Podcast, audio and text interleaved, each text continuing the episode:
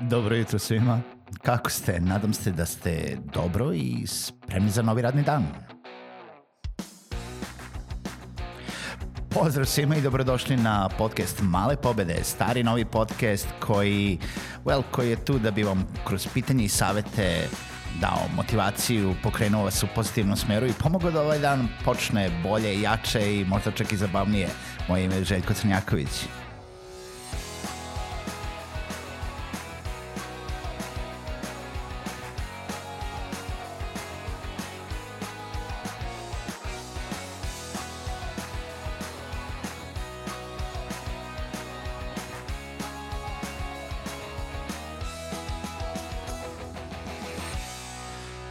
Pozdrav svima, dobro jutro i dobrodošli u novu epizodu podcasta Male pobede. Moje ime, kao što je uvijek rekao, jeste Željko Crnjaković i želim svima da se zahvalim koji su i danas sa ovom epizodom podcasta Male pobede, a ukoliko to još niste, podsjećam vas da se subscribe-ujete ili prijavite na bilo kojoj podcast platformi koju koristite na mobilnim uređajima i prijavite da primate obaveštenja da za podcast Male pobede koji je svako jutro, svaki radni dan uh, od ponedeljka do petka u 8 sati sa vama i sa novom epizodom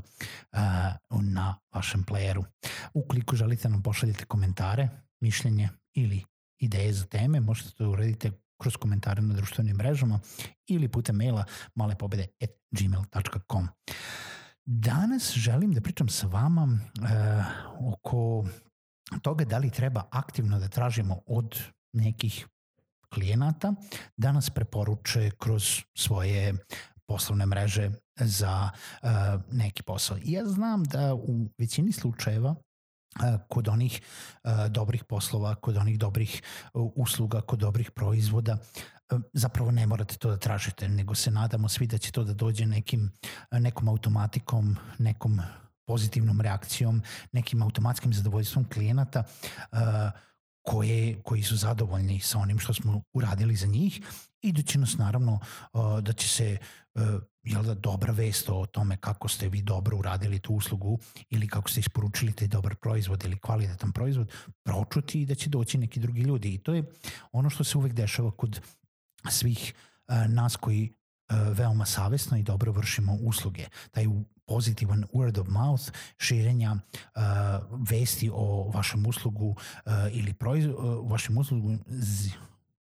vašim uslugama ili proizvodima i na taj način dolazimo do tog nekog pasivnog širenja vašeg poslovanja ne samo kroz ono neko aktivno ulaganje u marketing, nebitno da li je offline ili online, nego već i jel da, ovaj, širenjem uh, vesti o tome, preporukama zapravo. E sada, postoji ona druga varijanta. Postoji varijanta da vi tražite od vaših klijenata da vas preporuče. Uh, to uopšte nije toliko nečuveno koliko mislite i koliko god se možda usučavali to da radite, treba dobro da razmislite da li možda ipak da za neke izbrane klijente, naravno ne za svake, uh, to iskoristite. E, zašto kažem ne za svake? Treba to da iskoristite sa nekim klijentima gde si stvarno osjećali e, da ste ostavili jako dobar utisak, da ste ostavili izuzetnu saradnju i da ste e, došli do toga da to možete da pitate, a sa druge strane treba da izaberete klijente koji mislite da su dovoljno u dobroj poziciji uh, da imaju dovoljnu mrežu sličnih kompanija, biznisa ili nekog kruga poznanstava koje bi zanimalo ovaj, ono čime se vi bavite. E, e sad, kako to da uradite? To možete da uradite na jednostavan i prost način veoma brzo nakon što zaključite uh, uslugu sa, sa tim klijentom. Nemojte da čekate šest meseci, godinu dana i da se taj klijent, uh, ne znam, priseća vas, već ukoliko uspete da održite dobar odnos sa tim klijentom, možete slobodno kroz jedan poslovan mail da ga zamolite da e, slobodno preporuči e, vaše usluge nekim e, svojim partnerskim kompanijama, partnerima, poslovnim partnerima, e, poznanicima, nekim drugim odsecima u njegovoj kompaniji i tako dalje. Da bi dali neku onako inicijativu da bi dali neki podstrek tome, vi možete da sročite i neki mali paket za to. Na primer, ukoliko zamolite klijenta kaže, uh, i kažete mu preporučite me nekim svojim poslovnim partnerima i uh, slobodno im kažite da će dobiti popust ako se jave preko vas, u stvari ako se pozovu na vas u ne znam, 10%, 15%, koliko vi možete da im date popust. Na taj način ste im dali onu inicijativu da oni mogu nešto da zapravo poklone vašem klijentu, ne u smislu da ćete vi izgubiti neke pare, da ćete na neki način morati njima da platite, o čemu ćemo pričati možda u nekoj narednoj epizodi,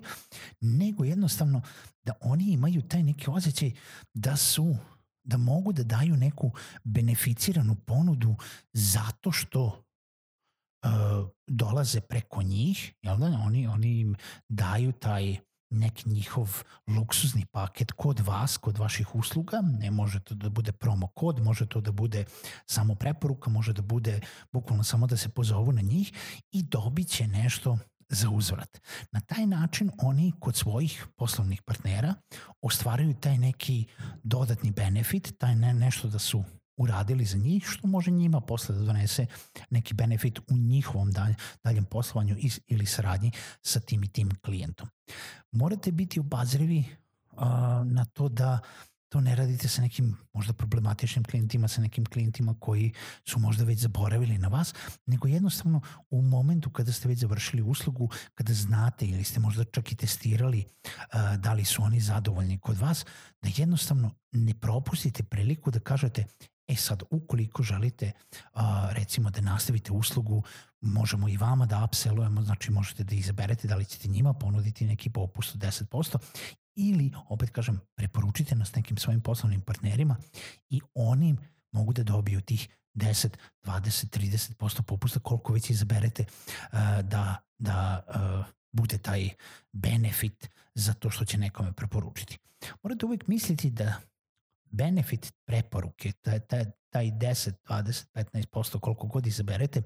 e, nije zapravo neki veliki trošak. To je trošak koji inače ide na marketing. I opet kažem, pričat ćemo u možda narednoj već epizodi o tom nekom drugom uh, referral sistemu, ali ovo je zapravo za početak full otvoreno pitanje direktno postavljeno klijentima sa kojima ste završili saradnju ili sa kojima ste usred neke pozitivne saradnje, dugoročne saradnje, gde vi iskorištavate taj moment da u nekome um, um, jel da, periodu kažete uradite ovo za mene i vi ćete ispasti cool, super likovi, mi ćemo dobiti više posla, nama ćete isto učiniti uslugu za uzvrat i vama i vašim partnerima možu, možemo da izađemo u susret sa nekim određenim beneficijama, popustom, dodatnim paketima ili nešto slično. Neće uvek uroditi plodom, neće uvek a, m, to doneti neke nove klijente odmah, ali nikad ne znate. Verujte mi, testirao sam, funkcioniše na nekom malom postotku klijenata i stvarno zapanjujuće neki to odrade. Oni to ne urade možda automatski ono bez tog pitanja, ne zato što nisu hteli ili nisu želeli, nego zato što se nesete. I onda kada vi preuzmete tu inicijativu da ih zapravo pitate, vi uredite taj prvi korak da im uopšte ubacite tu ideju da je to moguće i oni ukoliko su zadovoljni sa vašim uslugama i ukoliko nađu taj prostor prema poslovnim partnerima da da, to je ok sa naše strane da, da tako iskomuniciramo, će to sigurno uraditi. U poslovnom svetu se redko kada nešto dešava ukoliko otvoreno ne pitate, nebitno da li se to uh, tiče sponzorskih paketa, da li se to tiče prodaje, da li se to tiče čak i ove dalje preporuke, tako da razmislite o tome da li je to prava neka strategija za vas, naravno i ukoliko uvek uh, želite da nabavite još klijenata, ukoliko je sad neka uh, ste sad usred neke kampanje o osmišljavanja kako da nabavite još klijenta, eto još jedna strategija koju možete da iskoristite. Čujemo se u nekoj narednoj epizodi podcasta Male pobede.